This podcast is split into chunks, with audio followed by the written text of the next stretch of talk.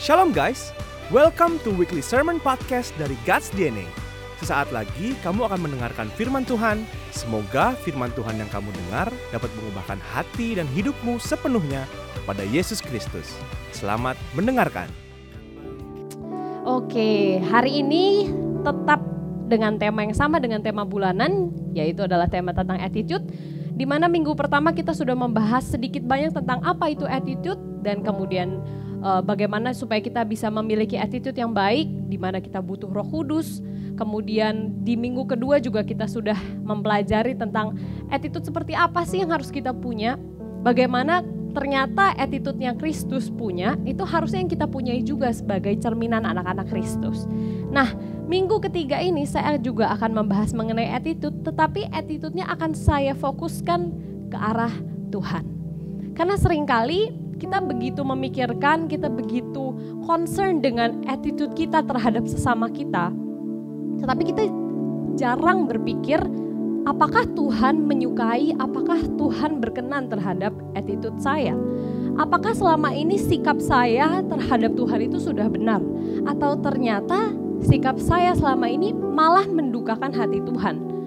Nah, kita akan mempelajari lebih dalam tentang ini. Kenapa kita harus mempelajari attitude atau sikap kita terhadap Tuhan? Karena sebenarnya sikap kita terhadap Tuhan itu adalah sangat penting. Apa pentingnya? Kita buka di Kolose 3 ayat 23. Sebenarnya bisa dibaca di ayat 18 sampai 25, tetapi untuk mempersingkat waktu saya akan bacakan Kolose 3 ayat 23, apa pun juga yang kamu perbuat, perbuatlah dengan segenap hatimu seperti untuk Tuhan dan bukan untuk manusia. Jadi kalau misalnya dipelajari hari ini kita akan mempelajari tentang sikap atau attitude.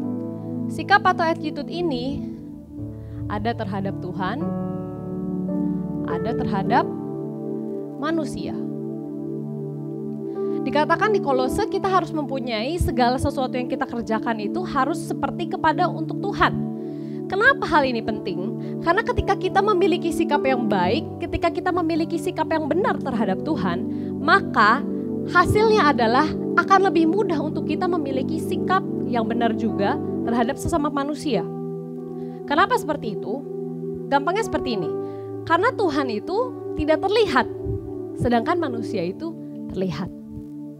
Kalau kita hormat terhadap Tuhan yang tidak terlihat, maka seharusnya kita akan bisa juga menghormati orang yang jelas-jelas terlihat di depan kita.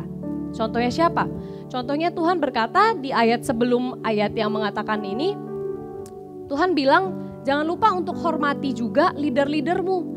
Jangan lupa untuk hormati siapa lagi? Guru kamu, bos kamu, orang tua. Menghormati semua orang yang Tuhan tempatkan ada otoritasnya di atas kamu.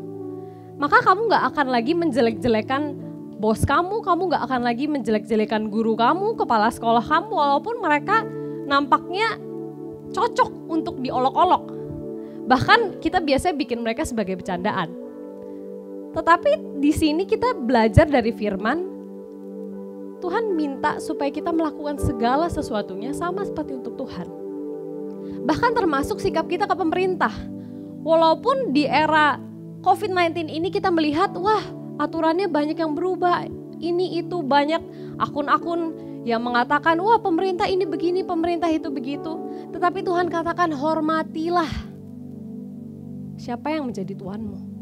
Dalam hal ini, dalam konteks ini adalah pemerintah kita. Maka yang bisa kita lakukan sekarang adalah bukan menghujat, tetapi kita memberikan respek kita, kritis boleh, tetapi kita harus tetap hormat. Tidak boleh mengata-ngatai, tidak boleh menjelek-jelekan, tapi kita harus tetap berkata-kata yang positif, kita harus tetap berkata-kata yang mendukung dan membangun. Amin. Nah, kalau kita punya sikap yang benar terhadap Tuhan, maka tadi saya katakan kita mempunyai sikap yang benar terhadap sesama. Akan lebih mudah istilahnya. Tetapi ini tidak berlaku sebaliknya. Kalau kita punya sikap yang benar terhadap manusia, belum tentu kita punya sikap yang benar terhadap Tuhan. Kenapa? Ya karena itu tadi. Ketika kita menghormati, ketika kita mempunyai sikap yang benar terhadap sesuatu yang terlihat, maka motivasi yang kita punya di baliknya itu sangat banyak. Bisa karena kita hanya ingin menyenangkan dia, untuk mendapatkan sesuatu yang positif atau sesuatu yang akhirnya menguntungkan kita. Sedangkan kalau menghormati Tuhan agak sulit, tidak langsung serta-merta kita mendapatkan hal yang kita mau. Bahkan sering kali ikut Tuhan, menghormati Tuhan, mempunyai sikap yang benar terhadap Tuhan itu lebih sulit. Kenapa? Karena kok tambah lama kok rasanya semakin berat hidup saya. Jadi, jangan kita ikut Tuhan hanya karena kita pengen keuntungan. Seperti kita ingin menyenangkan manusia, jangan kita menghormati Tuhan hanya untuk ikut mendapatkan sesuatu dari Tuhan. Nah, hari ini kita akan membahas lebih dalam lagi bagaimana sih cara punya attitude yang baik terutama kepada Tuhan. Sebelumnya saya akan membahas sedikit lagi tentang apa itu attitude. Nah, attitude itu berdasarkan psikologi sosial atau sikap kita ini itu punya definisi seperti ini. Dia merupakan opini atau penilaian. Nah, opini atau penilaian ini bisa positif, bisa negatif. Terhadap apa? Terhadap suatu objek. Objeknya ini bisa apa? Objeknya ini bisa manusia atau orang. Bisa suatu keadaan. Bisa suatu lembaga. Bisa suatu organisasi. Atau bisa kepada apa pun yang terjadi. Jadi bentuknya tidak harus ke manusia tetapi bisa kepada gereja, bisa kepada sekolah, bisa kepada pemerintah, bisa kepada keadaan COVID-19 ini, keadaan new normal ini, peraturan-peraturan yang baru, semuanya. Itu merupakan opini atau penilaian terhadap ini semua yang menyebabkan kita bereaksi sesuatu. Jadi ini menghasilkan ada sebuah reaksi. Nah, reaksinya ini itu berdasarkan ada tiga komponen, yaitu komponen perasaan, perasaan, ada komponen perilaku, dan komponen pikiran. Kalau dalam psikologinya, ini disebut sebagai afek, ini disebut sebagai konatif, atau pikiran itu disebut sebagai kognitif. Nah, mudahnya jadi apa sih sebenarnya sikap itu? Sikap merupakan respons atau reaksi yang bentuknya itu bisa dilihat. Jadi bukan sesuatu yang kita diamkan dalam pikiran saja, tetapi itu bisa kita lihat. Itu tampak dari ekspresi wajah kita dan ada gerakan tubuh yang kita tampilkan. Nah, respon atau reaksi tersebut terhadap suatu objek yang tadi itu dipengaruhi terhadap ketiga hal ini. Nah, kok contohnya bagaimana? Contoh paling mudahnya adalah ketika kita melihat sebuah ular. Di komponen perasaan kita, kita merasa kayak gue takut sama ular. Karena itu, itu akan mempengaruhi perilaku kita yang berkata, karena saya takut ular, jadi saya tidak akan pernah pergi ke tempat yang penuh dengan ular. Dan bahkan saya akan berteriak kalau saya melihat ular. Itu perilakunya.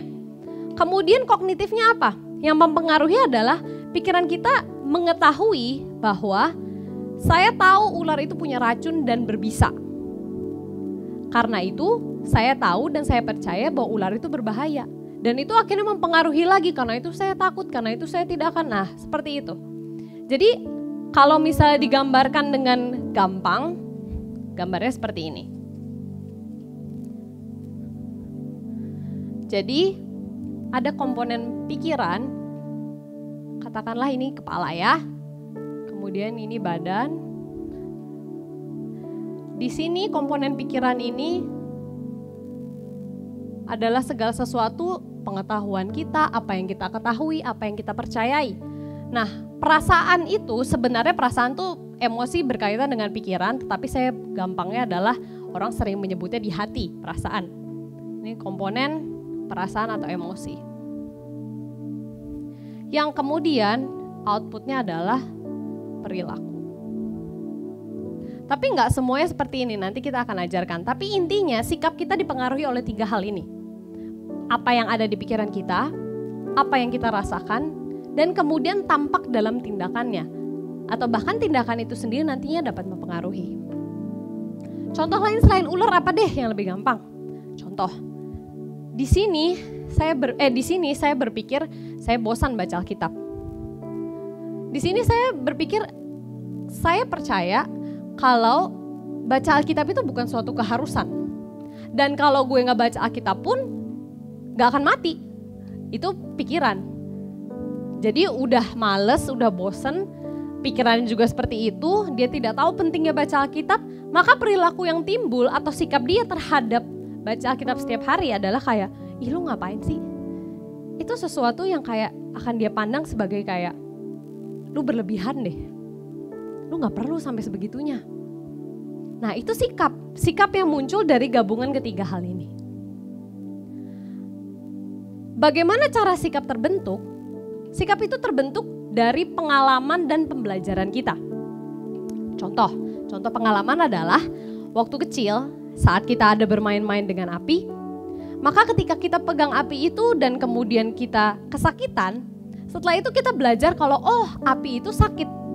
Sehingga kita tahu sadar dalam pikiran kita itu sakit dan gue gak akan mau. Sehingga kamu akan menghindari. Atau ternyata waktu kecil punya pengalaman dikejar dan digigit anjing. Sebelumnya kamu gak ada pikiran apa-apa terhadap anjing. Karena semua orang bilang lucu apa segala macam. Ternyata pas dideketin, eh ternyata digigit. Sejak saat itu kita mempunyai sikap yang negatif terhadap anjing itu. Kenapa?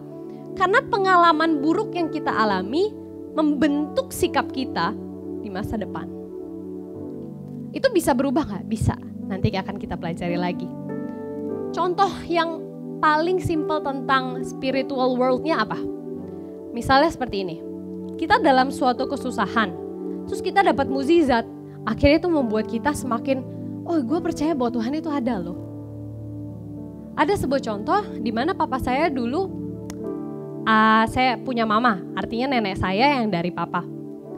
Mereka dulu punya papa saya itu anak pertama, kemudian anak kedua mereka keguguran, dan kemudian yang ketiga adalah tante saya. Nah waktu mau melahirkan tante saya ini mereka dulunya itu Konghucu. Jadi mereka tidak kenal sama Tuhan. Pas mau melahirkan tante saya, itu ada kesulitan, mereka kesulitan ekonomi, dan ke mana-mana tidak ada yang mau membantu. Lalu tiba-tiba ada seorang pendeta yang menawarkan bantuan, bahkan benar-benar membantu dari awal sampai akhir. Sejak saat itu mereka mengalami, oh iya benar ya kasih Tuhan itu nyata. Kasih Tuhan mereka alami lewat pendeta itu, dan kemudian itu membuat mereka akhirnya percaya kepada Tuhan dan akhirnya memiliki sikap yang positif terhadap Tuhan. Sejak saat itu keluarga bapak saya menjadi seorang pengikut Kristus. Jadi pengalaman itu dapat membentuk sikap kita. Lalu contoh pembelajaran apa? Ada satu contoh waktu itu jadi Carmen, adik saya yang umurnya sekarang lima setengah, lima, lima tahun, tiga bulan atau empat bulan. Jadi dulu waktu dia masih kecil, mungkin sekitar dua tahun atau tiga tahun, saya juga agak lupa. Dia dulu anaknya pemberani sekali. Jadi waktu itu ada kecoa di kamar mandi, terus kemudian dia datengin kecoa itu, dan kemudian dia bilang ke kita semua, kecoa, kecoa gitu kan. Tapi dia berani sekali untuk datengin dan malah pengen dia ambil, dia pegang. Sedangkan kita semua yang di kamar tuh udah jejeritan kayak kecoa, kecoa, kecoa. Ambil sapu, ambil baygon, ambil semuanya gitu kan. Awalnya dia masih berani pegang kecoa, terus kita bilang kayak jangan pegang kecoa, kecoa itu kotor, kecoa ini jijik apa gitu segala macam. Terus dia ngeliat kalau misalnya kita ngeliat kecoa duluan sebelum dia, kita akan langsung teriak-teriak, kejar-kejaran, lari ke sana sini. Bener-bener kecoa, kecoa seperti itu. Maka dia melihat hal itu, dia juga lama-lama jadi takut. Padahal aslinya dia nggak takut. Jadi lama kelamaan di waktu yang lain, di masa dia sudah agak bertumbuh agak lebih uh, besar, ketika dia melihat kecoa, dia malah ketakutan dan dia nangis teriak-teriak ke kita. Cek, cek, cek, ada kecoa, ada kecoa. Terus saya bilang, kamu dulu kan nggak takut. Kenapa sekarang takut? Nggak mau kecoa, jijik, kecoa jijik. Nah seperti itu. Itu dia pelajari dari dia melihat respons dari orang-orang di sekitarnya. Kemudian itu kan masih anak kecil ya. Kemudian ada contoh lagi, contohnya saya dengan rokok. Saya dari kecil diajarin rokok itu nggak bagus. Pokoknya rokok itu nggak bagus, titik. Rokok itu nggak boleh, titik. Dari kecil. Kemudian dulu saya ketika berenang, ada pelatih renang saya, dia merokok. Itu saya omelin, kenapa kok Bapak malah merokok sih orang atlet dulu kan atlet renang gitu kan ceritanya walaupun tetap nggak tinggi-tinggi sih setelah berenang bertahun-tahun juga. Tapi it's okay tah. Waktu itu tuh saya bilang kenapa kok bapak merokok? Saya setiap dia merokok saya omelin. Rokok itu nggak bagus, rokok itu bikin sakit, rokok itu oh, pokoknya semuanya lah. Dia cuma ketawa aja karena saya waktu itu anak kecil. Nah, karena ditanamkan seperti itu terus dari kecil, kemudian semakin besarnya saya masuk ke dalam ke dunia kedokteran dan belajar lebih lagi tentang rokok itu apa, bagaimana rokok merusak tubuh dan sebagainya, maka saya menjadi punya sikap yang negatif terhadap rokok. Saya tidak benci orang yang merokok, tidak, tapi saya benci rokoknya. Saya nggak suka kalau ngelihat ada apalagi wanita yang merokok. Itu menurut saya kenapa kamu menghancurkan hidup kamu dengan sangat gitu istilahnya. Apalagi kalau saya punya pasien anak-anak yang datang anak-anak bayi kecil udah batuk-batuk sering berkali-kali datang batuk ke puskesmas ke puskesmas. Pas ditanya kenapa? Ternyata bapaknya perokok berat. Enggak kok saya ngerokok di luar. Ya asapnya nempel semua.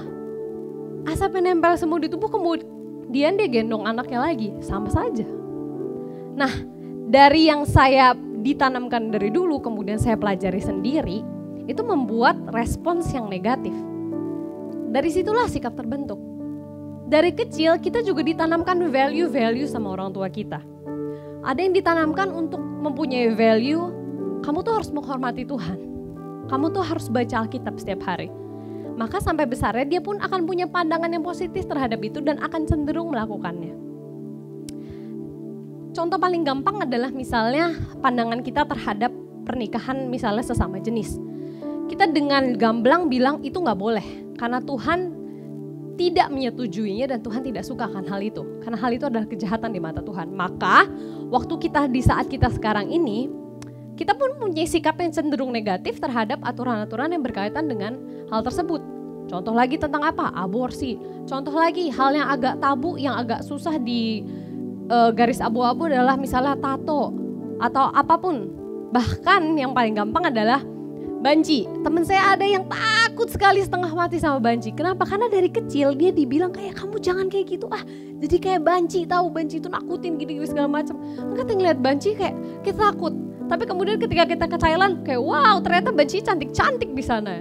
Nah itu tuh sikap-sikap yang berbeda tapi itu ditanamkan dari kita kecil. Jadi itu berpengaruh sampai kita dewasa. Nah tetapi, oh ya karena itu anak kecil tuh apa ya cenderung mempunyai pemikiran-pemikiran yang lebih carefree aja gitu, lebih kayak easy going. Kenapa? Karena pengalaman yang mereka alami, pengetahuan yang mereka punya itu tidak sebanyak dimiliki oleh orang dewasa. Karena itu anak kecil lebih berani coba sana sini. Anak kecil karena waktu itu dia masih netral. Dia masih belum menentukan sikap apa terhadap hal ini, terhadap hal ini, terhadap hal ini. Sehingga ketika dia mencoba, ketika dia mencoba, maka itu mulai perlahan-lahan terbentuk. Sedangkan kalau orang dewasa, contoh aja tentang tidur siang. Anak kecil benci disuruh tidur siang, tetapi orang dewasa terutama youth itu sangat-sangat menghargai yang namanya tidur siang. Apalagi kamu yang masuk fakultas kedokteran tentu kamu tahu jam tidur itu sangat-sangat kurang.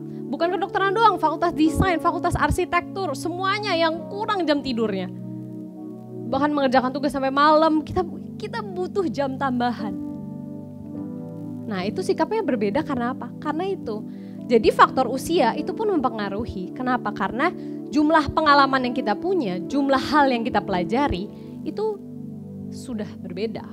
Sudah lebih banyak pada orang dewasa. Tetapi kita bisa melihat kalau sikap seseorang itu bisa berubah.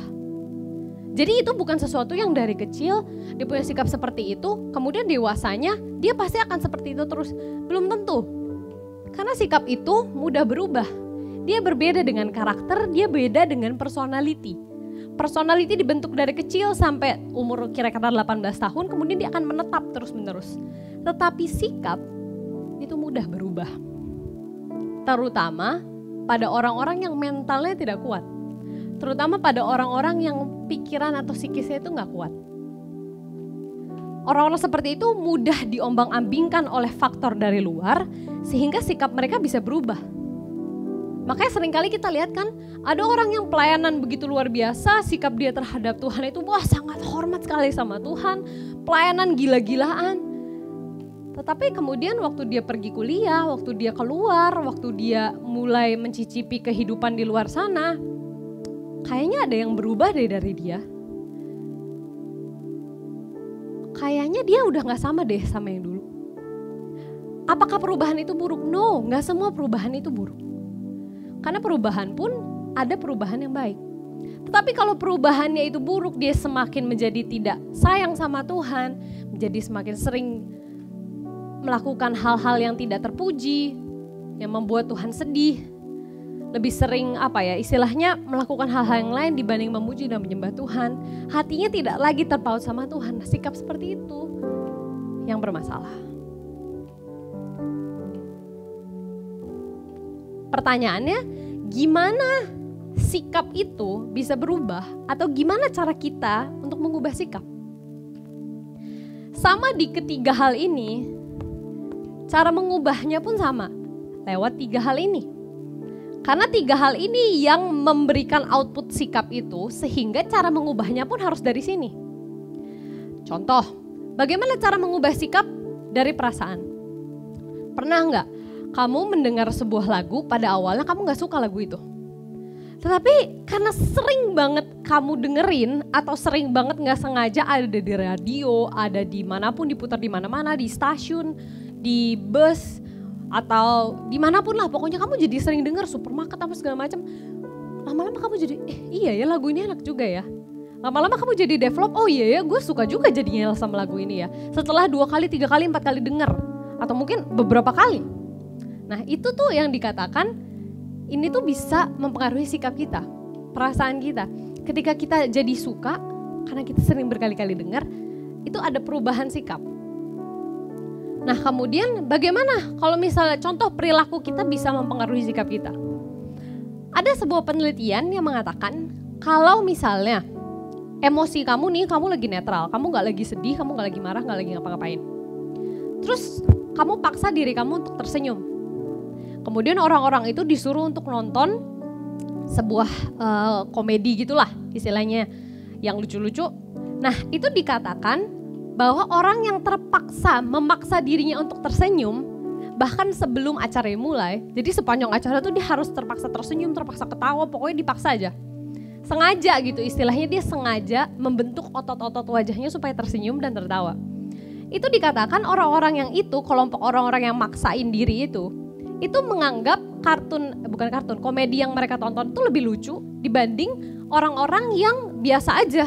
Jadi ekspresi mereka ya datar-datar aja Bahkan ada kelompok yang uh, memaksa diri untuk tetap punya wajah sedih atau bete. Jadi kebalikannya kan. Itu akan jauh perbedaan outputnya. Jadi kesimpulan dari penelitiannya adalah apa yang kamu lakukan, raut wajah yang kamu berikan itu bisa mempengaruhi akhirnya ke perasaan kamu dan akhirnya mempengaruhi sikap kamu lagi. Jadi ini bisa mempengaruhi ini, kemudian ini mempengaruhi pikiran, oh iya ya ini agak lucu juga ternyata ya. Nah akhirnya sikap kamu menjadi positif terhadap itu.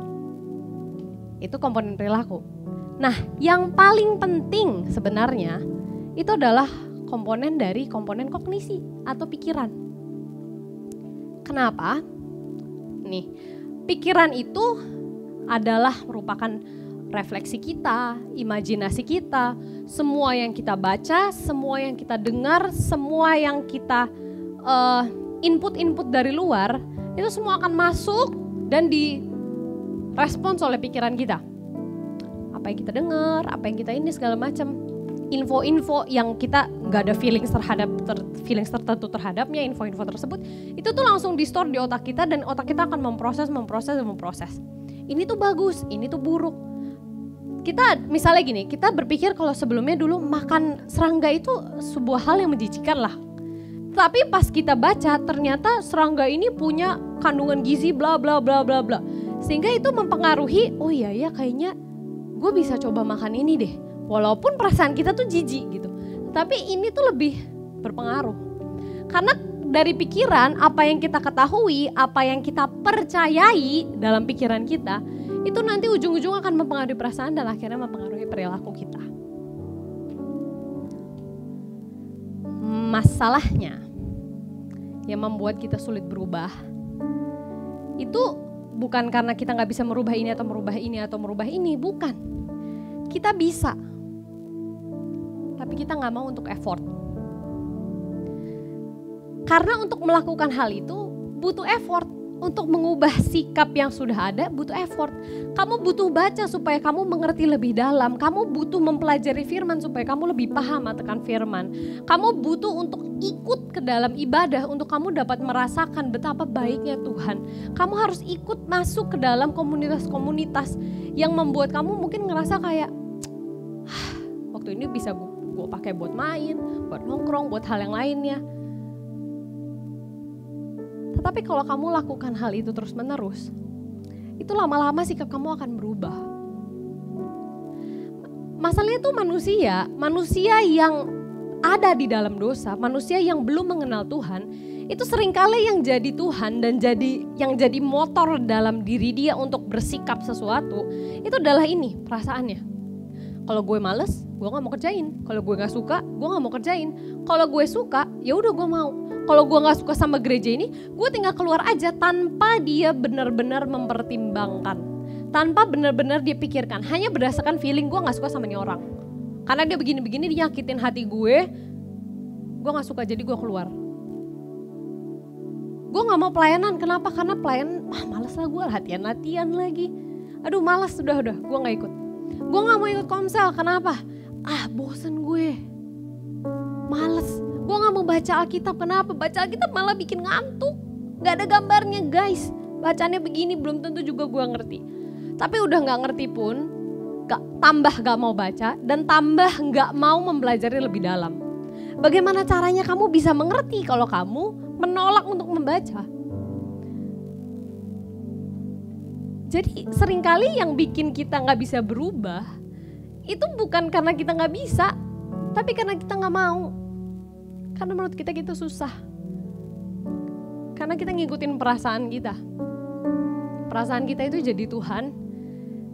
Karena manusia-manusia berdosa yang masih hidup dalam kedagingan. Kedagingannya itu diambil alih sama perasaannya. Lu gak tahu sih apa yang gue rasain, makanya gue ngelakuin ini lu gak paham kan? Seringkali kan seperti itu. Tapi kita gak cross check dengan ini bener nggak ya sesuai dengan apa yang Alkitab katakan? Keputusan yang kita ambil ini sesuai nggak ya dengan apa yang Alkitab katakan?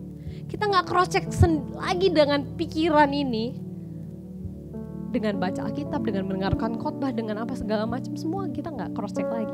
Cuma berdasarkan apa yang gue rasa, apa yang gue mau, apa yang gue pengen. Itu adalah ciri-ciri manusia yang hidup dengan penuh kedagingan. Makanya di minggu pertama, kok Andre bilang, kalau kamu mau berubah, kamu butuh roh kudus. Kenapa ketika kamu punya roh kudus, ketika roh kudus turun, ketika kamu menerima Tuhan sebagai Tuhan dan Juru Selamat dan roh kudus turun ke atas kamu, maka yang jadi Tuhan ini bukan perasaan kamu lagi. Tapi roh kudus akan mendorong kamu supaya kamu lebih memikirkan apa yang menjadi kehendak Tuhan. Apa yang benar, apa yang baik, itu yang kamu pikirkan kerajaan Allah yang kamu pikirkan, bukan kerajaan diri sendiri lagi, bukan perasaan diri sendiri lagi, bukan apa yang gue mau, tetapi apa yang Tuhan mau, itu yang kita pikirkan. Kalau kita banyak memikirkan apa yang Tuhan mau, maka outputnya lama-lama kita akan mengasihi dan kita akan pengen juga apa yang Tuhan mau dan sehingga kita punya sikap seperti apa yang Tuhan mau. Jadi jangan bilang lagi, Ci, gue gak bisa berubah deh. Gue emang orangnya kayak gini dari dulu. No. Attitude is a choice. Character is an identity. Sikap yang kamu konsisten lama-lama jalankan terus menerus terus menerus terus menerus lama-lama akan mengendap jadi karakter. Contohnya apa? Ketika hal tampak kayak ah semuanya bikin gregetan, kamu mengikuti apa yang Tuhan bilang, bersyukur. Terus saja bersyukur. Maka despite of apa yang kamu rasakan, kayak gue kesel banget sama ini, gue pengen marah-marah rasanya, gue bete, gue gak suka dengan kondisi ini. Tetapi apa yang kamu tahu tentang Alkitab, memaksa hati ini untuk bilang, enggak, lu bersyukur. Jangan ngoceh-ngoceh, jangan ngomel-ngomel, bersyukur sama Tuhan. Outputnya kamu berhasil mengendalikan diri sehingga apa yang kamu keluarkan itu bukan marah-marah lagi, bukan ngoceh-ngoceh lagi, tapi kamu bilang, Tuhan, terima kasih. Walaupun di sini tuh rasanya berkecamuk udah kayak badai. Saya pengen meledak-ledak, tapi tetap kamu menahan diri kamu karena kamu tahu apa yang benar dan kamu kontrol diri kamu sendiri dengan kekuatan Roh Kudus. Kamu katakan, Tuhan, aku bersyukur Hal itu terus-menerus kamu lakukan, lakukan, dan lakukan. Lama-lama kamu jadi karakter orang yang sabar. Lama-lama kamu menjadi punya karakter orang yang lemah lembut. Lama-lama kamu menjadi punya karakter yang gak suka marah-marah, yang rendah hati. Yang hatinya tuh lembut sekali. Untuk mengenai karakter nanti saya akan bahas lebih dalam lagi dalam Bible Study di hari Rabu. Info lebih lanjutnya boleh dilihat di Instagram God's DNA. Oke? Okay? Jadi sekali lagi, attitude is a choice. Character is an identity. Tapi attitude yang kamu lakukan terus menerus terus menerus terus menerus secara konsisten lama-lama akan mengendap menjadi karakter yang baik dalam diri kamu. Last, kita akan membahas jadinya. Kita udah bahas tadi apa itu sikap, gimana cara kita mengubah sikap kita. Sekarang kita akan membahas jadi sikap apa aja sih yang harus kita berikan sama Tuhan? Untuk lebih gampangnya, sikap orang Kristen, ini saya bicara orang Kristen ya, itu ada tiga. Bukan orang Kristen sih, sebenarnya sikap terhadap sang pencipta atau sikap terhadap Tuhan, the creator of all, sikap itu ada tiga jenis bukan tiga jenis ya sebenarnya yang tadi saya bilang ada yang positif dan ada yang negatif. Nah, sikap yang negatif ini itu menolak. Jadi mereka menolak dan bahkan bisa menyerang Kristus. Cenderung menolak dan bahkan menyerang atau bahkan melawan. Kalau orang jahat itu dengan mudah dia mempertontonkan atau memperlihatkan perlawanannya terhadap Tuhan. Sengaja bikin dosa, sengaja membunuh, sengaja mencuri dan bla bla bla segala macam. Itu sengaja. Tuhan itu nggak ada lah. Tuhan itu cuman segala macam pokoknya orang-orang yang gak percaya sama Tuhan pun tetap mempunyai sikap yang negatif terhadap Tuhan. Contohnya adalah orang Farisi. Mereka terang-terangan menentang Tuhan Yesus, mereka terang-terangan menyerang Tuhan Yesus dan bahkan mereka berencana untuk menyalibkan Tuhan. Padahal mereka tahu firman. Jadi bukan hanya orang yang gak percaya sama Tuhan aja, tetapi orang yang percaya sama Tuhan pun bisa terang-terangan menyerang Tuhan. Contohnya lagi sikapnya yang terjadi misalnya apa? Waktu Petrus, waktu Petrus ditanya, kamu kenal gak sama Tuhan? Dia bilang, enggak, enggak, gue gak kenal, gue kenal sama Tuhan. Dia menyangka Kristus itu merupakan sebuah sikap negatif yang merupakan respon dia karena dia takut. Karena dia takut dia pun akan dipersekusi. Jadi oh, murid Tuhan pun bisa punya sikap negatif terhadap Tuhan gak? Bisa. Tetapi perbedaannya adalah setelah dia tahu dia salah, respon selanjutnya itu apa? Ketika Tuhan datang menegur, respon Petrus adalah kemudian dia bertobat. Akhirnya dia mempunyai sikap yang positif kembali terhadap Tuhan. Tetapi bandingkan dengan Yudas Iskariot yang dia telah menjual Tuhan, lalu begitu dia tahu dan akhirnya dia menyesal dengan sangat, dia malah memilih respons yang salah, dia memilih sikap yang negatif yang menyalahkan dirinya sendiri begitu sangat dan akhirnya dia bunuh diri itu merupakan murid Yesus dua-duanya, tetapi mereka mempunyai sikap yang berbeda. Nah, sikap yang negatif ini bisa juga dimiliki oleh orang yang naturnya emang naturnya baik. Jadi tampilannya baik, tetapi dia sebenarnya punya sikap yang negatif terhadap Tuhan. Contohnya bagaimana? Biasanya terjadi pada orang-orang baik yang mereka melakukan secara nggak sengaja atau mereka memilih netral. Jadi biasanya orang-orang baik karena nggak mau menyakiti perasaan, mereka nggak menentang Tuhan terang-terangan karena mereka tahu misalnya oh iya Tuhan sih ada sih tapi mereka bertindak netral sebenarnya netral itu tuh nggak ada Jadi nggak ada di sini kata netral. Kalau dalam relasi dengan Tuhan ya. Kalau netral dalam masalah eh, pilihan-pilihan yang lain atau hal yang di luar relasi dengan Tuhan itu ada, ada sikap netral itu ada. Tetapi kalau mengenai sikap kita dengan relasi kita dengan Tuhan, nggak ada yang namanya netral. Kenapa? Kalau netral itu masuk ke dalam negatif.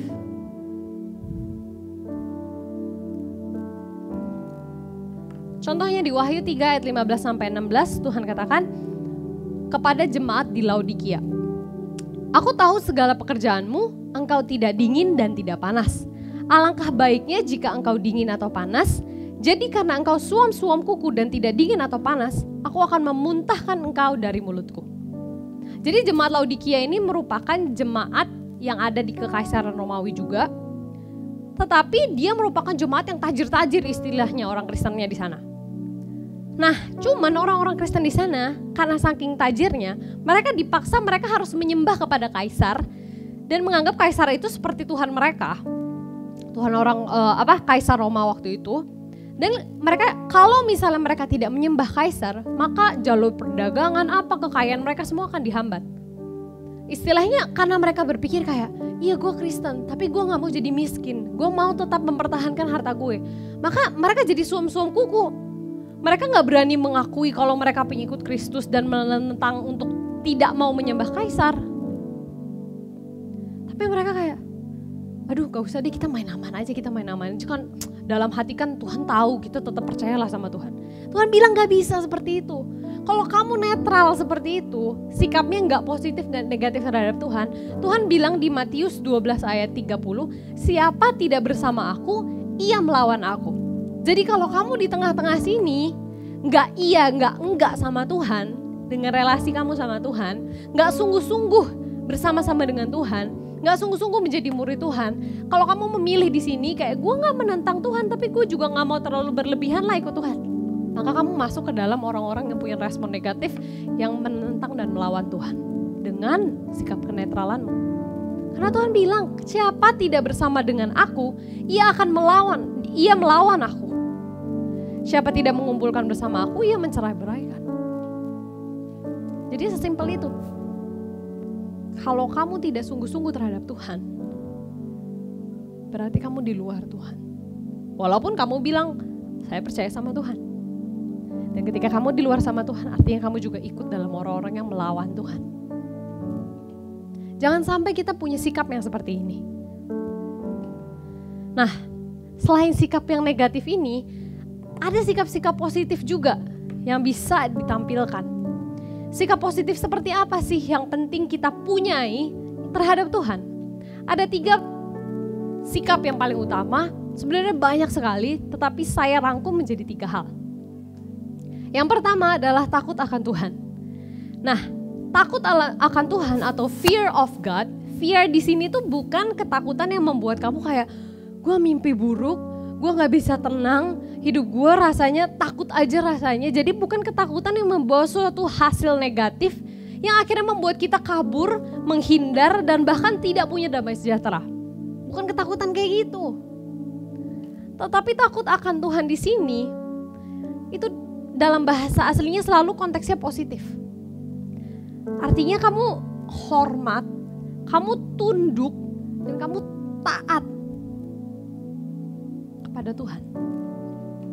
Yang akhirnya dari segala yang kamu rasakan terhadap Tuhan itu, dari segala sikap yang kamu punya takut akan Tuhan itu, itu akhirnya hasilnya tidak menghasilkan ketakutan dalam konotasi negatif, tetapi justru menghasilkan kemuliaan dan damai sejahtera dan sukacita yang terus-menerus melimpah yang mengalir dalam hidupmu. Harusnya takut akan Tuhan itu seperti itu. Di dalam Alkitab, takut akan Tuhan itu tidak ada yang berkaitan dengan mereka saking takutnya sama Tuhan, mereka tidak mau bertemu dengan Tuhan. No. Musa ketika awalnya dia takut, Tuhan bilang ini adalah tempat yang kudus. Lepaskan kasutmu. Maka yang dilakukan adalah bukan kabur, tetapi dia melepaskan kasutnya dan dia sujud menyembah Tuhan. Kenapa? Karena dia respect. Karena dia hormat sama Tuhan. Seringkali kita merasa kayak, oh iya gue kan anak Tuhan. Lalu dengan sifat keanak-anakan itu kita berpikir kita boleh meminta segala sesuatu dalam Tuhan. Kita minta aja pokoknya minta, minta, minta, minta, minta, minta. Tuhan, aku minta Tuhan tolong sembuhkan ibuku sekarang. Tuhan, aku minta Tuhan tolong berkati supaya ujianku besok lancar. Tuhan, aku berkati dan berdoa. Yang lucunya, Carmen pernah berdoa begini. Tuhan berkati supaya COVID besok hilang. Amin. Waktu dia mau tidur seperti itu. Jadi anak kecil tuh ada hal positifnya. Dan Tuhan bilang, ayo kamu datang sama Tuhan tuh seperti anak kecil. Tetapi kalau kamu terus-terusan minta, terus-terusan minta, terus-terusan minta seperti anak kecil. Yang minta, minta Tuhan, minta Tuhan, minta Tuhan. Tetapi kamu tidak pernah memiliki sikap takut akan Tuhan, hormat akan Tuhan, maka itu juga salah. Jangan jadi egois, mau-maunya Tuhan memenuhi kehidupan kita, Tuhan memenuhi apa yang kita mau, Tuhan memenuhi apa yang kita butuhkan, Tuhan melakukan apa yang kita perintahkan Tuhan lakukan lewat doa kita. It's not a good attitude towards God. Karena kita pun sebagai anak-anak Tuhan harus punya perasaan tunduk dan hormat akan Tuhan. Cara paling simpelnya terlihat bagaimana caranya? Cara kamu ibadah. Ketika kamu ibadah, ketika kamu memuji dan menyembah Tuhan, ketika kamu menaikkan tangan kamu, ketika kamu tepuk tangan, ketika kamu menyembah Tuhan dengan sungguh-sungguh, kamu merasakan bahwa ya Tuhan hadir karena itu gue harus hormat sama Tuhan. Itu bentuk kamu takut akan Tuhan. Tetapi kalau kamu tidak takut akan Tuhan, maka di era segala sesuatu serba online ini, ketika kamu di rumah, kamu akan ikut ibadah ikut ibadah loh. Kamu spare jam ibadah dengan tiduran dan makan. Sambil makan keripik aja dengerin. Doa juga nggak ikut doa. Memuji dan menyembah Tuhan juga nggak ikut. Itu kalau misalnya kamu lebih takut sama manusia daripada sama Tuhan. Karena itu waktu di gereja, kamu menyembah Tuhan dengan sungguh karena bisa dilihat sama orang lain. Tetapi ketika tidak di gereja, kamu malas-malasan ibadah, bahkan tidak mau ibadah, bahkan saat ibadah pun tidak memiliki sikap yang hormat akan Tuhan. Gak bisa seperti itu. Seringkali manusia itu lebih takut sama dunia. Maksudnya apa? Kita kadang belajar mati-matian, kadang kita kerja mati-matian karena kita tahu dunia itu keras kalau lu nggak berusaha bener-bener, lu akan kalah dengan semua kompetitor-kompetitor yang lain, lu akan kalah dengan semua saingan-saingan yang lain. Kalau lu nggak punya sesuatu yang spesial, kalau lu nggak mempelajari sesuatu dari dari kecil, lu nggak akan jadi apa-apa gede nanti dan lu akan susah bertahan hidup nantinya. Mungkin kita diajari seperti itu dan akhirnya kita mati-matian. Cari segala sesuatu, cari koneksi, cari apa pun yang bisa kita kerjakan untuk membangun nilai dalam diri kita. Untuk apa? Karena kita takut sama dunia ini. Boleh nggak dilakukan? Tapi sering kali orang lebih takut sama dunia. Orang lebih sering takut sama masa depan mereka sendiri. Dibanding mereka takut sama Tuhan. Mereka lupa kalau misalnya ada Tuhan yang pencipta langit dan bumi yang berkuasa atas segala sesuatu, atas hidup mereka, atas segala pekerjaan mereka. They forgot dan akhirnya apa? Gak pernah membangun hubungan yang serius sama Tuhan. Kalau kamu gak pernah membangun hubungan yang serius sama Tuhan, kamu gak pernah benar-benar bersekutu sama Tuhan, kamu bahkan gak tertarik untuk tahu Tuhan, kamu bahkan gak tertarik untuk memuji dan menyembah Tuhan dan Rajamu, maka ada sesuatu hal yang salah dengan dirimu. Berarti kamu tidak mempunyai takut akan Tuhan.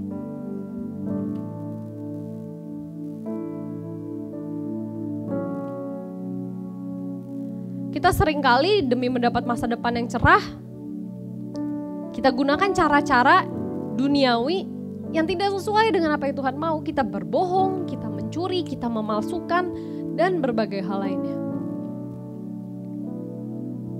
Harusnya tidak seperti itu. Kalau kamu takut akan Tuhan, maka seperti yang tadi ayat tadi katakan dalam segala hal yang kamu perbuat, kamu tuh perbuat untuk Tuhan. Kamu tahu kalau Tuhan itu ada dan kamu harus hormat terhadap Tuhan. Kamu harus tunduk terhadap Tuhan. Kamu tuh takut kalau misalnya Tuhan tuh kamu tuh menyeleweng dari jalannya Tuhan. Kalau kamu tuh keluar dari apa yang Tuhan mau tuh takut. Gak mau menyakiti hati Tuhan, gak mau melenceng. Harusnya tuh kita lebih takut di Matius 10 ayat 28 dikatakan dan janganlah, ini Tuhan yang ngomong, dan janganlah kamu takut kepada mereka yang dapat membunuh tubuh, tetapi yang tidak berkuasa membunuh jiwa. Takutlah terutama kepada dia yang berkuasa membinasakan baik jiwa maupun tubuh di dalam mereka. Kepada dia.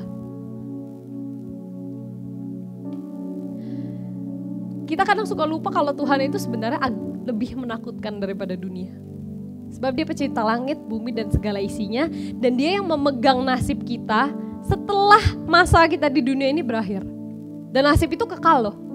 Kita di dunia ini sementara, tetapi ketika masa kita di dunia ini sudah habis, maka ada waktu kekal di mana Tuhan yang menentukan nasib kita itu. Tapi sometimes karena Tuhan gak terlihat, kita nggak nggak ada rasa hormat aja. Jadi intinya salah satu sikap positif terhadap Tuhan adalah takut akan Tuhan. Contoh-contohnya banyak sekali di Alkitab, tetapi tidak cukup waktunya kalau saya bahas semuanya sekarang. Kemudian sikap yang kedua adalah tetap mengasihi Tuhan. Matius 22 ayat 37 mengatakan, Kasihilah Tuhan Allahmu dengan segenap hatimu dan dengan segenap jiwamu dan dengan segenap akal budimu dan dengan segenap kekuatanmu karena itulah hukum yang terutama dan paling utama. Tuhan memerintahkan kita untuk mengasihinya bukan cuma dengan segenap hati.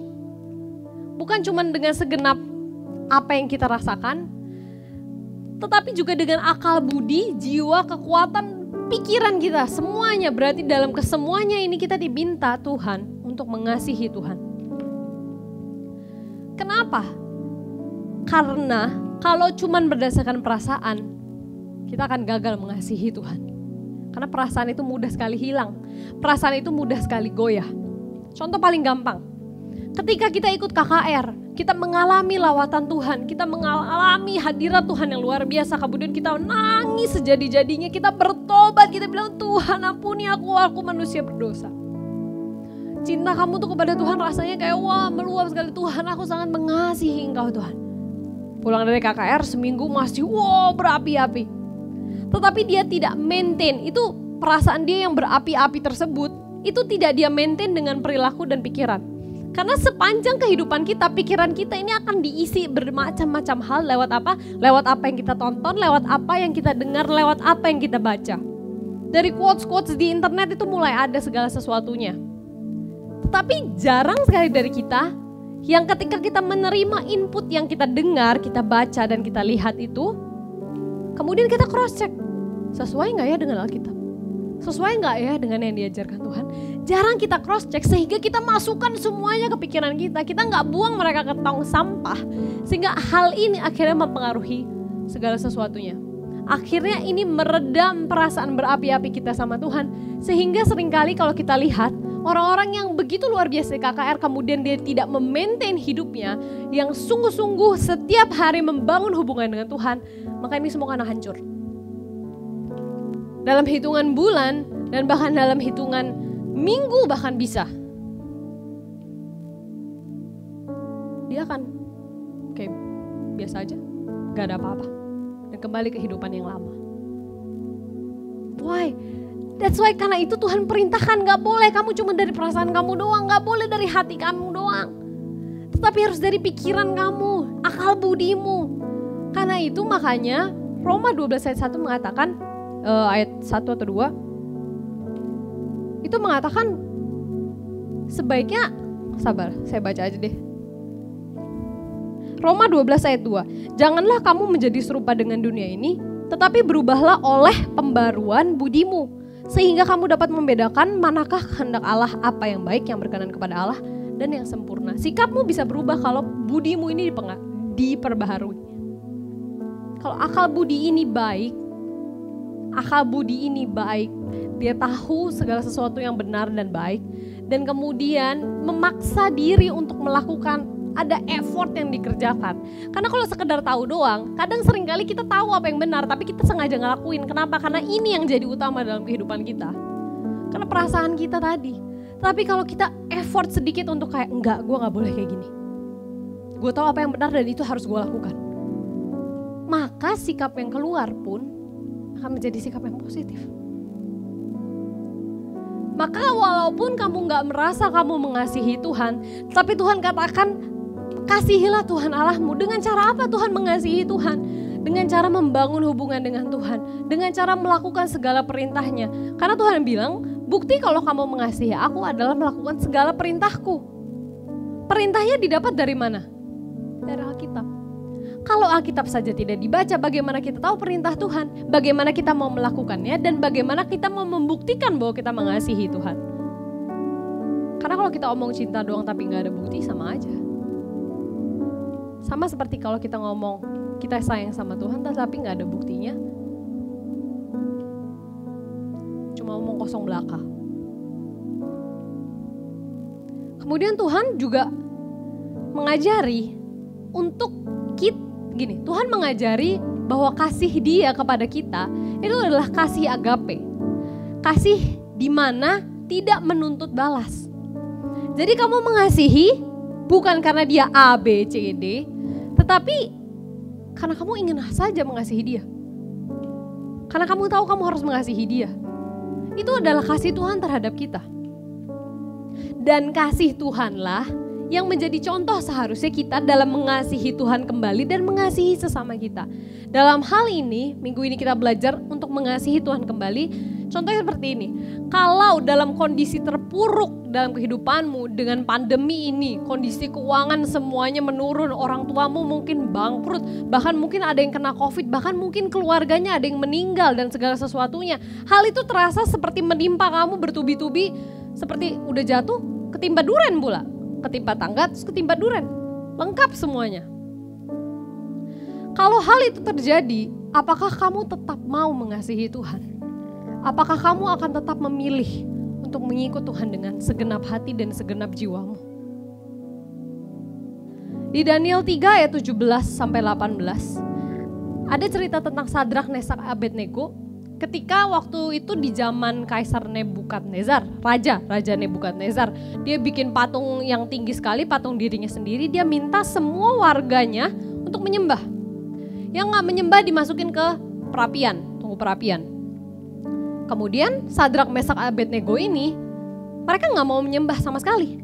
Karena mereka bilang, hanya kepada Allah kami mau menyembah. Akhirnya mereka dilaporin ke raja, raja begitu marah dan akhirnya memasukkan mereka ke perapian. Eh, pertama mengancam dulu. Raja mengancam mereka kayak, kalau lu gak mau nyembah gue sekarang, lu akan gue masukin ke perapian.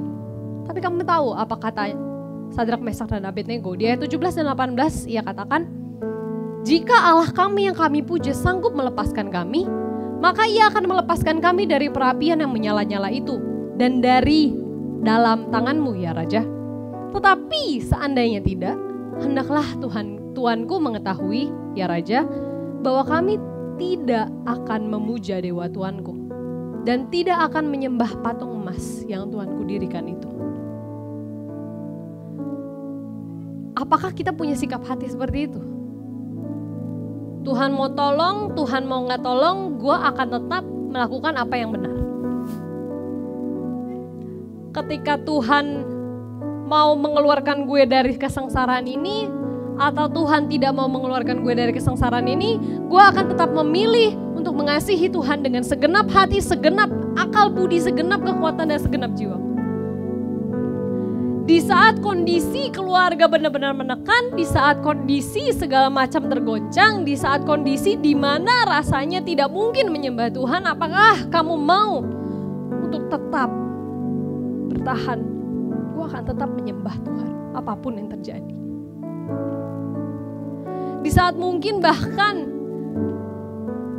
father kamu dalam konteks bapak rohani, mungkin pendeta di mana tempat kamu bergereja, mungkin leaders yang kamu pandang ternyata melakukan hal yang menurut kamu ini gak pantas untuk dilakukan seorang leader.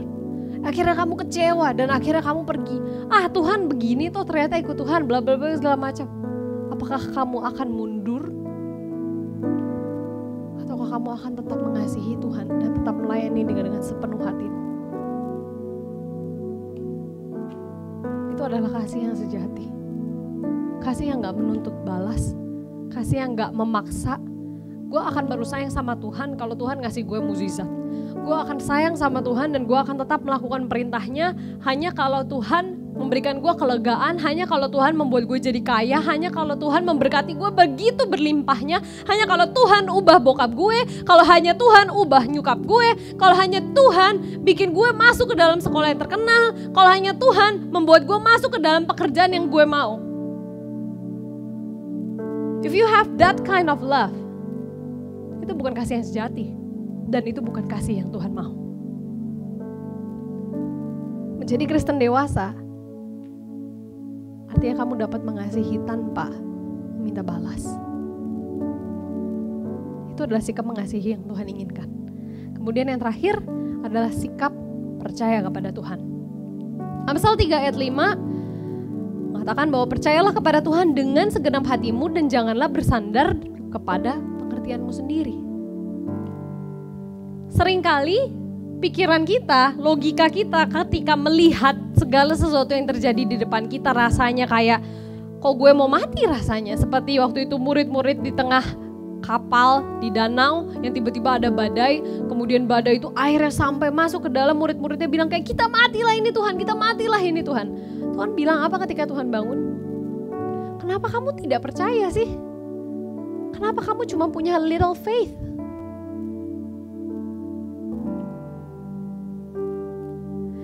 kalau kita percaya sama Tuhan, walaupun segala sesuatu dalam pikiran kita, logika kita kayaknya kayak enggak ini mustahil.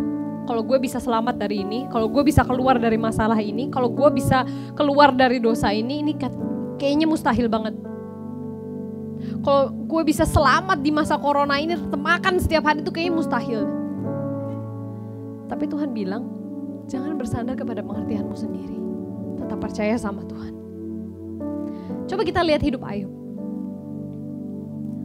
Di Ayub 1 ayat 20 sampai 22 dikatakan ah Ayub itu merupakan orang yang saleh dan jujur. Kemudian dia hidup dengan penuh kesalehannya dan Tuhan bahkan membanggakan dia di depan iblis. Tuhan katakan, lihat nggak anak gue Ayub, mantep kan dia.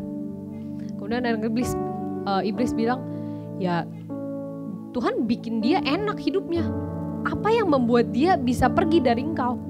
Coba aja ambil hartanya, anak-anaknya semua yang dia punya.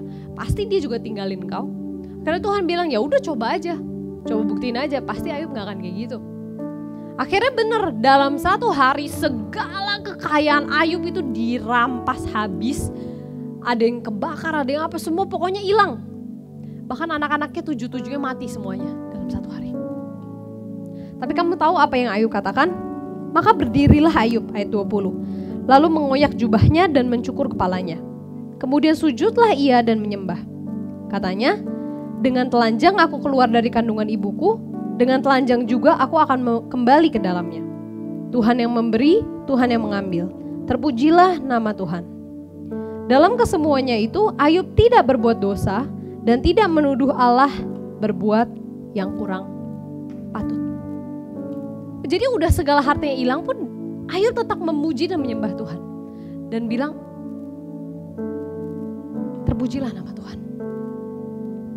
Dalam semua itu dia tidak berdosa. Tetapi kita lihat di ayat kemudian ketika itu dia udah kayak gitu Tuhan kemudian uh, iblis datang lagi sama Tuhan bilang Tuhan bilang tuh kan lihat Ayub kan ninggalin gue. Kemudian iblis bilang lagi coba aja Tuhan sentuh diri dia itu kan segala harta di sekeliling dia. Coba aja sesuatu terjadi sama diri dia sendiri. Pasti dia ninggalin Tuhan. Tuhan bilang, ya sok coba silakan. Akhirnya bener dikasih barah. Borok semua dari ujung kepala sampai ujung kaki dia. Sampai istrinya aja jijik. Dan bahkan dia pakai beling untuk gorek-gorek. Saking gatelnya, saking gak enaknya. Dia gorek-gorek dirinya sendiri sampai luka.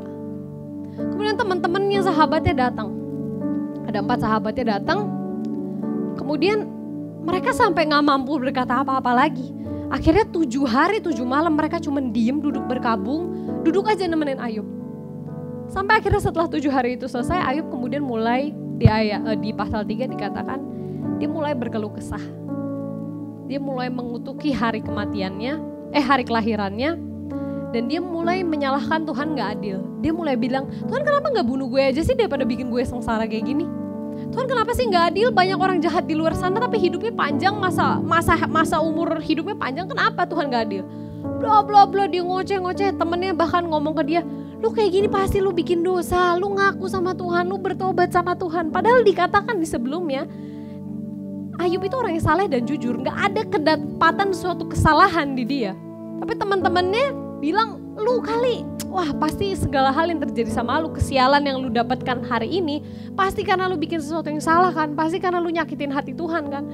Ayub tambah marah lagi dia bilang kayak Tuhan itu nggak adil bla bla segala macam. Tapi kamu tahu jawaban Tuhan apa? Ayat 38 eh, pasal 38 sampai 41 Tuhan ngomong balas jawaban Ayub. Tetapi Tuhan uniknya Tuhan menjawab cara Tuhan menjawab adalah bukan dengan kata siapa gue nggak adil gini-gini enggak. Tuhan nggak mencoba menjelaskan, tapi Tuhan langsung menyatakan kekuasaannya di alam semesta. Coba lihat bintang, rasi bintang, siapa yang ciptain, siapa yang atur itu di langit, siapa yang gantungkan bintang-bintang itu di langit. Coba lihat lautan, siapa yang bikin mereka meluap. Coba lihat sungai, coba lihat gunung, coba lihat binatang A, binatang B, binatang C, siapa yang atur mereka semua? Kekuatan Tuhan dan kekuasaan Tuhan yang begitu luar biasa Tuhan nyatakan sama Ayub. Tuhan menyatakan kekuatan dan kebesarannya luar biasa. Kemudian akhirnya sampai di pasal 40 Tuhan malah menantang maka menantang Ayub dikatakan dari dalam badai Tuhan menjawab Ayub bersiaplah engkau sebagai laki-laki aku akan menanyai engkau dan engkau akan memberitahu aku Apakah engkau hendak meniadakan pengadilanku, mempersalahkan aku supaya engkau dapat membenarkan dirimu? Seringkali kita salahin Tuhan untuk membenarkan diri sendiri. Walaupun pada kenyataannya di sini sebenarnya Ayub tidak melakukan kesalahan sebelum dia dicobai oleh iblis. Tetapi responsnya lah yang membuat dia salah. Responnya di awal baik sekali. Karena itu dikatakan Ayub tidak membuat kesalahan apa pun dalam segala yang dia perbuat dikatakan itu benar. Ketika pertama, sampai kemudian dia mulai berkeluh kesah, dia mulai menyalahkan Tuhan, bla segala macam. Di situlah sikap dia menjadi negatif. Di situlah ada perubahan sikap. Dan di situlah di mana Tuhan mention, lu nggak pantas berbicara seperti ini.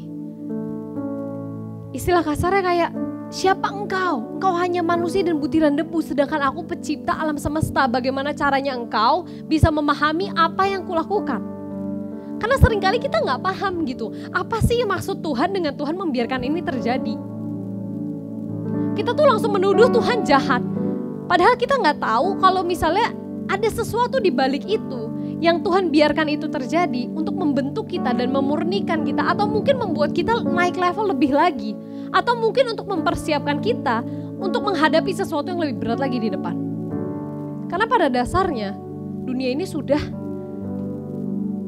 diliputi oleh dosa. Dan segala sakit, penyakit, segala kemiskinan, segala hal yang buruk-buruk itu datangnya dari dosa. Bukan dari Tuhan. Tapi sering kali kita katakan Tuhan jahat, kenapa Tuhan biarkan ini terjadi sama saya?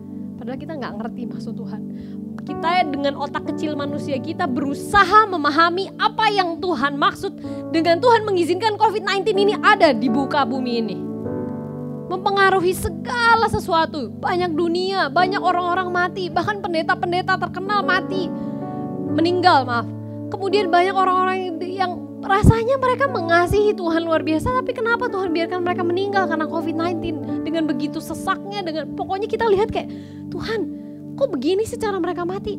Harusnya mereka yang melayani Tuhan dengan sungguh-sungguh kan kita mulai bermain jadi Tuhan. Harusnya mereka yang melayani Tuhan dengan sungguh-sungguh kan mati dengan ya udah dalam tidur tenang, adem ayam, tidak ada kenapa-napa. Kalau karena Tuhan membiarkan orang mati tidak dengan bukan uh, keadaan yang baik itu adalah jahat, berarti Tuhan jahat dong sama murid-muridnya.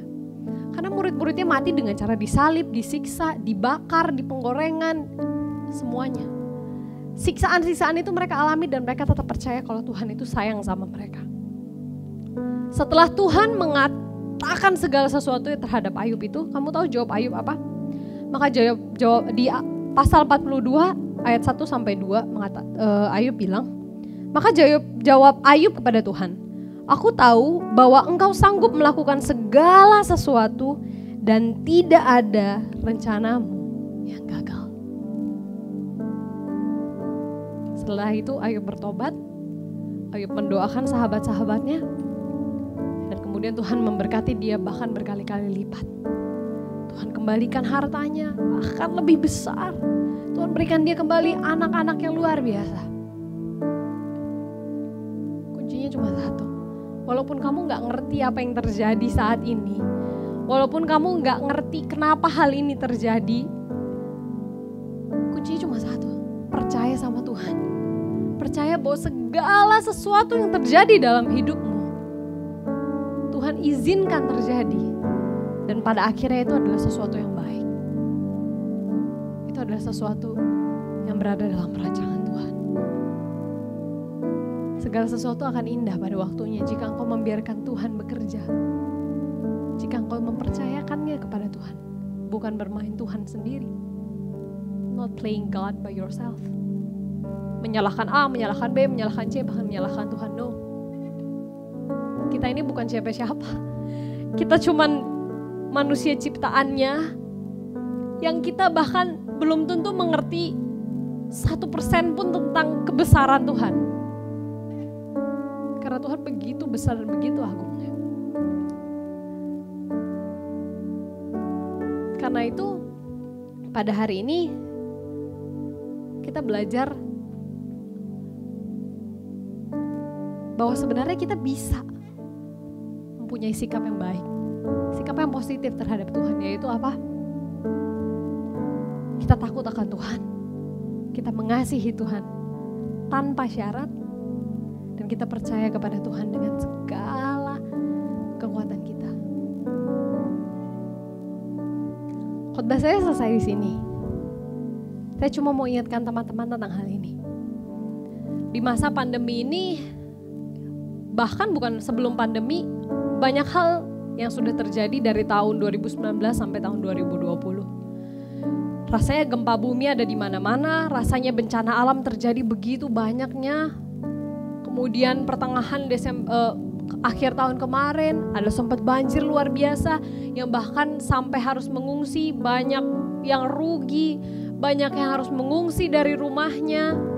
Bahkan banjirnya katanya ada yang sampai sekepala. banjir belum benar-benar selesai saja, tiba-tiba ada datang lagi kabar COVID datang. Kemudian segala sesuatunya jadi tampak semakin berat, semakin berat, dan semakin berat. Rasanya kita semakin nggak tahu kayak Tuhan ini beneran ada nggak sih? Tapi dari sini, yakin dan percayalah bahwa Tuhan selalu menyertai hidupmu. Kemudian untuk teman-teman di luar sana yang apinya mulai padam, yang rasa cintanya, rasa takut akan Tuhannya mulai padam karena karena COVID ini kamu banyak sendiri di rumah, kamu banyak mengaktif, melakukan aktivitas-aktivitas yang kamu suka, yang belum tentu membangun kamu dalam mengenal Tuhan lebih lagi, yang akhirnya membuat kamu semakin jauh, semakin jauh, dan semakin jauh dari Tuhan. Come on, let's change. Ada waktu, masih ada waktu. Masih ada kesempatan Tuhan berikan. Jangan sampai ketika trompet itu Tuhan bunyikan, kemudian kita semua diangkat. Untuk yang kedua kalinya Tuhan datang, Tuhan mendapati kita tidak setia. Tuhan mendapati kita melawan Tuhan. Jangan sampai hari itu datang. Tapi biarkan hari ini kita memberikan hidup kita sepenuhnya sama Tuhan. Kita kembali lagi Jangan selalu paksa Roh Kudus untuk melakukan segala sesuatu. Roh Kudus, aku mau mencintai Tuhan. Tetapi pada prakteknya dalam kehidupan sehari-hari kita no effort at all. Gak bisa seperti itu. Gak bisa kita paksa terus kayak Roh Kudus tolong bantu aku. Tapi you do nothing. Gak bisa seperti itu. You need to do the effort. Dan Roh Kudus akan memampukan kamu untuk melakukannya sehingga kamu gak akan bilang, gue gak bisa ngelakuin ini lagi.